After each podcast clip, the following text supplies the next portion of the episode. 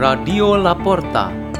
The door is open for you for the growing of knowledge and wisdom of God.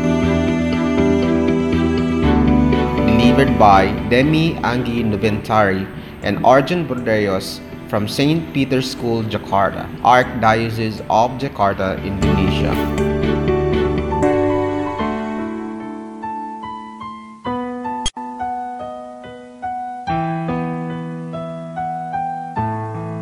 Reading and meditation on the Word of God on Thursday of the second week of Lent, March 9, 2023.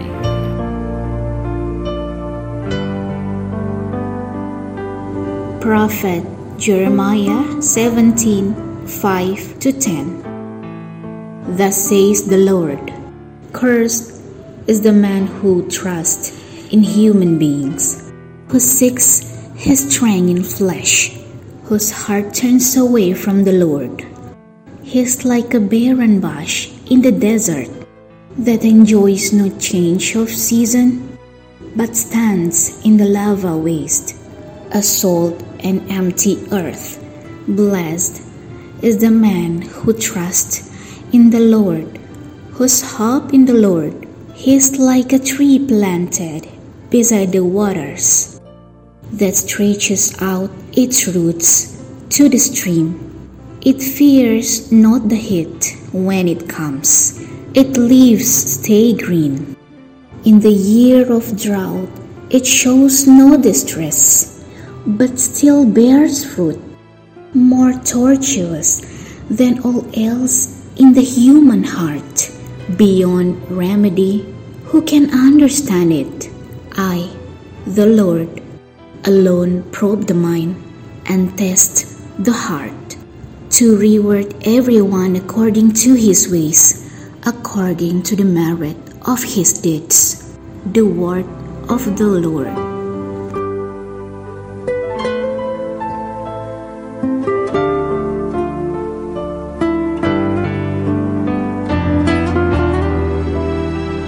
Our meditation today has the theme Relying on God Through Humans.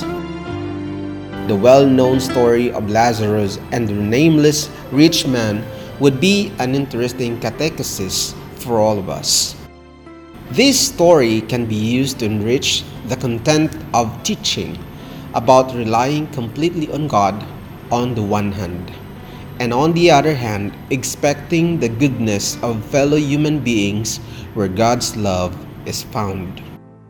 Lazarus is shown as a person with very limited possibilities to make a living in the world. According to our standard of faith, God should have used the rich man to help Lazarus, but that didn't happen. The prophet Jeremiah in the first reading reminds believers to rely on God for their sustenance in life. Lazarus and all of us really need God's intervention for our survival. What is inappropriate is when someone is in trouble in life, he or she does not remember and does not even need God. Lazarus and many other people with the same situation have always existed in this world. They live with other people who are more fortunate who have enough for the needs. Said the evangelist Mark, the poor are always with you. Mark 14, verse 3. What is more concrete, we can see in a parish. The local church always has layer of people who live in poverty.